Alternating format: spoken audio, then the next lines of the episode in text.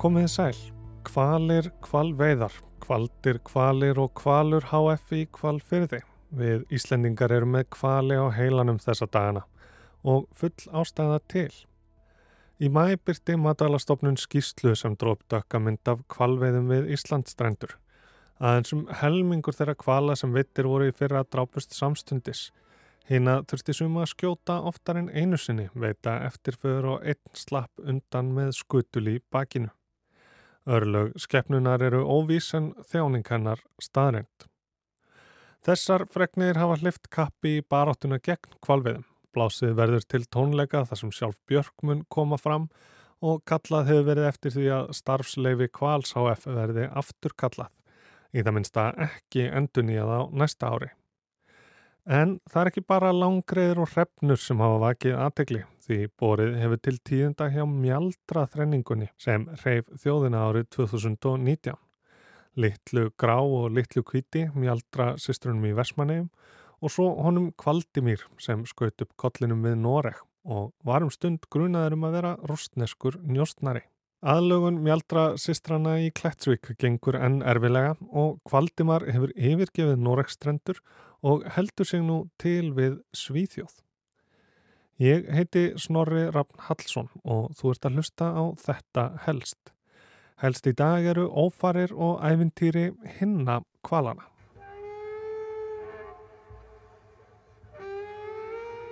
Kvalir eru ekki bara stórir og ekki bara tignarleir, heldur grindir og næmir eins og frændur þeirra höfrungar. Þeir eru snjallir veiðmenn sem vinna saman og tala saman. Söngur þeirra berst langar leiðir og fylgir ekki bara hafströymum heldur einnig tískuströymum.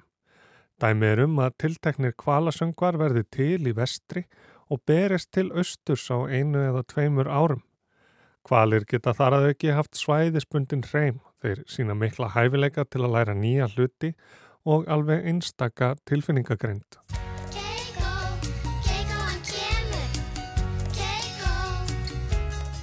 Það er því enginn förða að við höfum gaman af þeim og þjóðarsálinn fylgti stolti þegar okkar kvalur Siggi, betur þekktur sem Keiko eða Sáhefni, sló í gegn í Hollywood og varð síðar fyrsti háherningurinn til að snúa aftur út í náttúruna eftir áratuga ófrelsi. Miljónir breyða sér í kvalaskoðunarferðir um allan heim á hverju ári eða sækja sækarða og sjá kvalileika listi sínar. Mjaldra sýsturnar litla grá og litla hvít komu einmitt til Íslands úr einum slíkum í Kína eftir að nýjir eigendur tóku við, eigendur sem ekki vilja halda kvali og rakti vera Ílluadóttir sögu þeirra og Kvaldimírs hér í þetta helst höstið 2022. Heyrum nú lungan úr þeim þætti áður en við tökum stöðuna á mjöldrunum í dag. Í um þrjú ár hafa mjaldra sýsturnar litla grá og litla kvít svamlaði sérstakri umönnunar laug við höfnina í vestmanægjum til hefur staðið að þær fliti alfarið í sjókví í Klettsvík þar sem fræðarkvelið Keiko hafðist eitt sinn við en ímislegt hefur orðið til þess að fresta þeim flutningum. Nú síðast líkt og greint var frá í fréttum á þriðjúdag sökk bátur við kvína í Klettsvík um miðjan ágústmánuð. Því verður ekki af flutningum sistrana fyrir ný voru í fyrsta lægi. En revjum upp sögu þessara frægu mjaldra. Íslendingar fréttu fyrst af þeim sistrum litlu kvít og litlu grá og áformum um flutning þeirra til Íslands í fréttum 20. desember 2016. Nöfn þeirra fylgdu þó ekki sögunni, áformin voru nokkuð öðruvísi og raunar var í upphafi talað um þrjá mjaldra en ekki tvo. Tilstendur að flytja til vestmanega þrjá mjaldra eða belúkakvali, svo þeir megi búa við mannúðlegri aðstæður en í skemmtigarði í Kína. Mjaldrar eru kvítir smákvalir heldur kupslegir með lítinn haus, hátt enni og stutt tríni. Fyrirtæki Merlin Entertainment á kvalina og hefur sendt matfærastofnun formlegt erindi vegna málsins. Litla grá og litla kvít fættust að líkindum um 2007. Þar voru veittar við Rúslands strendur og 2011 seldar í sætýragarðin Xiangfeng Ocean World í Shanghai í Kína þar sem þær voru þjálfaðir í ímsum kunstum og nutu mikill að vinselda meðal gesta. Breski skemmtanari sinn Merlin Entertainments eignaðist Xiangfeng Ocean World 2012 Fyrirtækið er á móti því að halda kvaldýr í görðum sínum. Var því farið að vinna því að búa mjaldrasistrunum betra líf í samvinnu við dýraverndunar samtökin Sea Life Trust og kvalafræðinga og loks urðu hinn fornu heimkynni háhyrningsins Keiko fyrir valinu Klettsvík í heimægi. Hallt ár leið frá fyrstu fréttum af mögulegri mjaldra komu til Íslands þar til aftur spurðist til dýrana. 14. júni 2017 var greint frá því að bæði mast og sjávarútvegsráðuneyti hefðu gefið grænt ljós á að mjaldrar erðu fluttir til vestmanæja frá Kína og í ágúst bárust þar gleði fréttir að umhverjustofnun hefði lagt blessun sína yfir áformin að auki. Það er þó ekkert grín að flytja risastór sjáarspendir þvert yfir hnöttin og ljósta mjaldratnir sem dvalið höfðu árum saman í haldi manna gætu ekki steift sér beint út í sjóin í Kletsvík. Í mæ 2018 gerðu Merlin Entertainments og bæjaráð Vestmanæja leigusamning um 800 þörmetra húsnæði fiskiðjunar að ægiskötu undir fiska og náttúrugripasapn sem og áformum byggingu undir aðlugunar sundlög fyrir mjaldrana þar við hliðin á. Stemt var þá að því að mjaldratnir kæmu ári síðar og undirbúningurinn fór auðvitað ekki aðeins fram í eigum.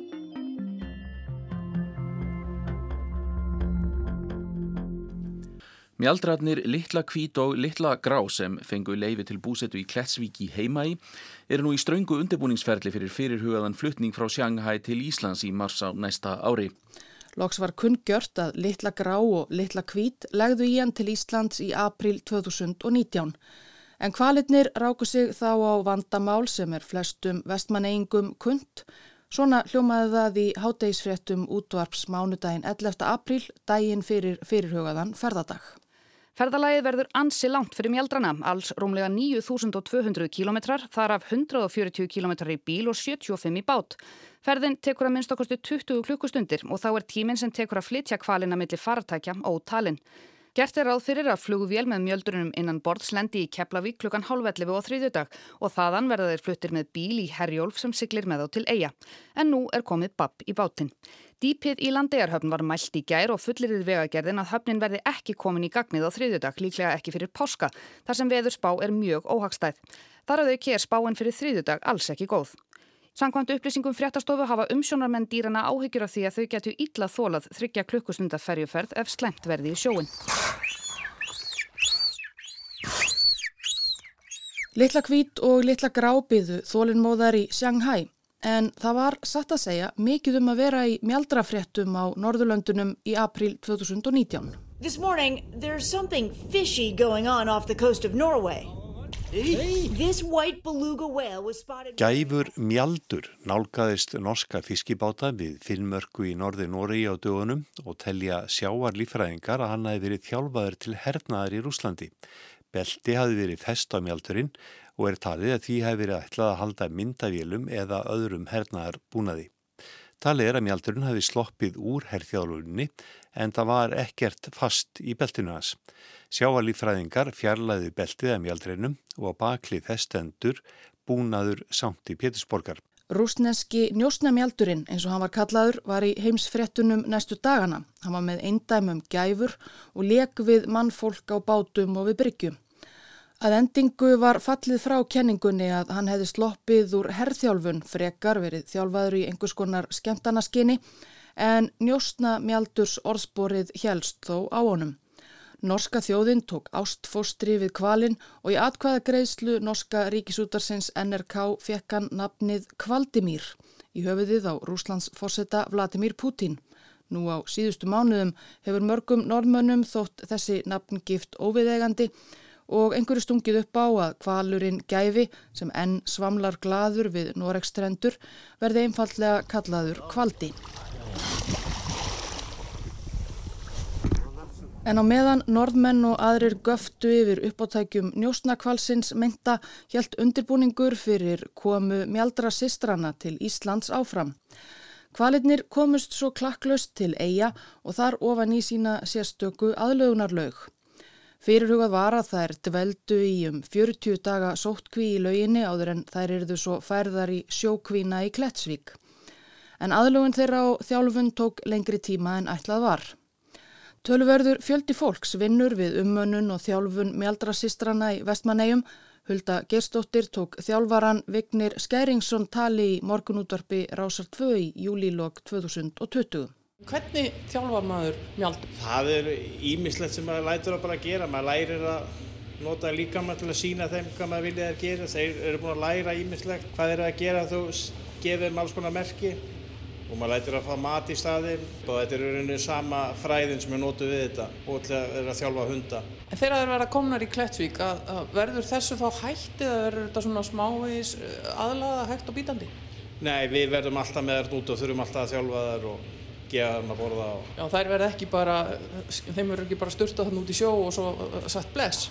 Nei, þær er búin að vera það lengi manna um sjó að þær geta ekkert bjarga sér sjálfar, þannig að við munum bara hugsa um þær. Já, litla kvít og litla grá voru svo ungar er þar voru hrifsaðar frá heimkinnum sínum við Rúslandstrendur að þar eru ósjálfbjarga án aðstóðar manna.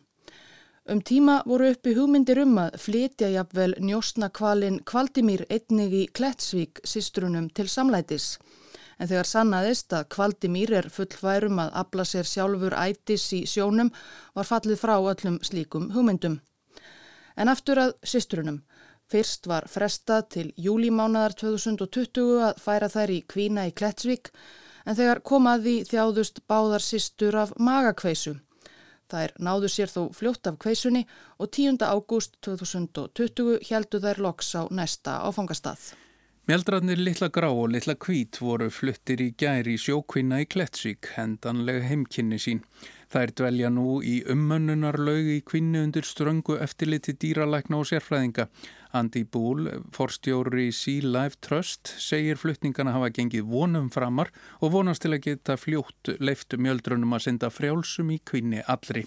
En sýsturnar dvöldu aðeins í Klettsvík í um þrjá mánuði. Þegar sjór var farin að kólna í vikinni í byrjun desember 2020 voru þær á nýjanleik fluttar inn í aðlögunarlaugina sína á bryggjunni. Og síðan þá, í næri tvö ár, hafa þær ekki færst sig þaðan. Tilraunum til að flytja þær aftur í Klettsvík á nýjan leik, þar sem þær eiga jú að eiga sitt framtíðarheimili, hefur ítrekkað verið frestað.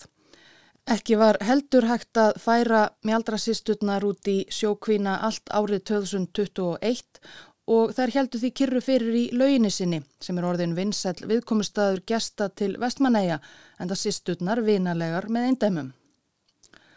Síðast átti að flytja þær í vikina á nýjan leik nú 14. ágúst síðastliðin. En aftur kom Babbi bátinn, næri bókstaflega, örfáum klukkustundum áður en flutningar áttu að hefjast, kom í ljósa þjónustubáturinn Bliki sem notaður hefur verið við endurbætur á mjaldrakvinni, hafi sokkið við kvinna. Engin var um borð í bátnum og ekki er vitað um orsakir þess að hann sökk. Belgir voru í kjölfarið notaðir til að lifta bátnum af hafsbótni og ólíumengun af slísinu var sögð lítil sem engin. En þó er aldrei of varlega farið. Með velferðina mikilvægum jaldra í huga var ákveðið að fresta enn endurkomu þeirra til Klettsvíkur fram á næsta vor, hið minsta.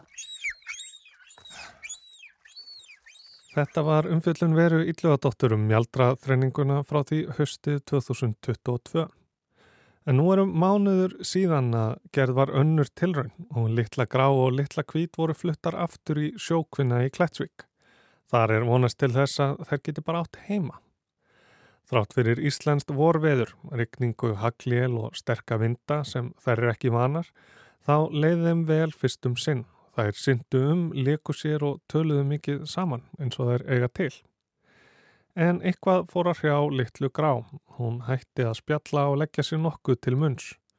Þegar veður lefði voru þær því fluttar aftur inn í sérstaka kvalalög þar sem þær höfðu varið vetrinum.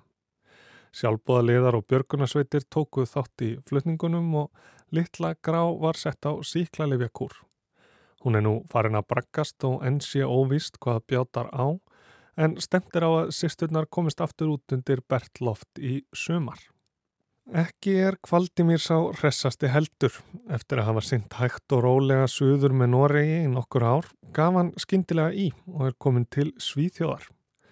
Óleiklegt er að það sé til að njóstnaðum tilvonandi NATO-ríkið þegar Kvaldimír var fyrst grunaður um slíka yðju vegna belti sinn sem mert var eign Sandi Pétursborgar sagði Viktor Baranets, ofursti í rúsneska varaliðinu. Ef við værum að nota þetta dýr til að njóstna, haldiði virkilega að við hefðum mertan með símanúmeri og skilabóðunum vinsamlegast ringið í þetta númer. Kvaldimír er nú komin tölvert frá sínu náttúrulega umhverfi í norður Ísafi og segja sérfræðingar að tvær skýringar á þessari undarlega haugðun séu líklegastar. Annars vegar að hormónar drífi hann áfram, hann sé í makaleit, vilji fjölga sér. Og hinn er svo að hann sé einmanna. Mjaldrar eru miklar félagsverur, þeir þurfa á öðrum mjöldrum að halda, líður ekki vel ánvera og því getur verið að Kvaldimír sé einfallega að leita annara mjaldra til að leggja lagsitt við, spjalla við, synda með og leika sér. Þetta var helst úr mjaldra heiminum um þessar myndir. Ég heiti Snorri Raffn Hallsson og þakka áhernina.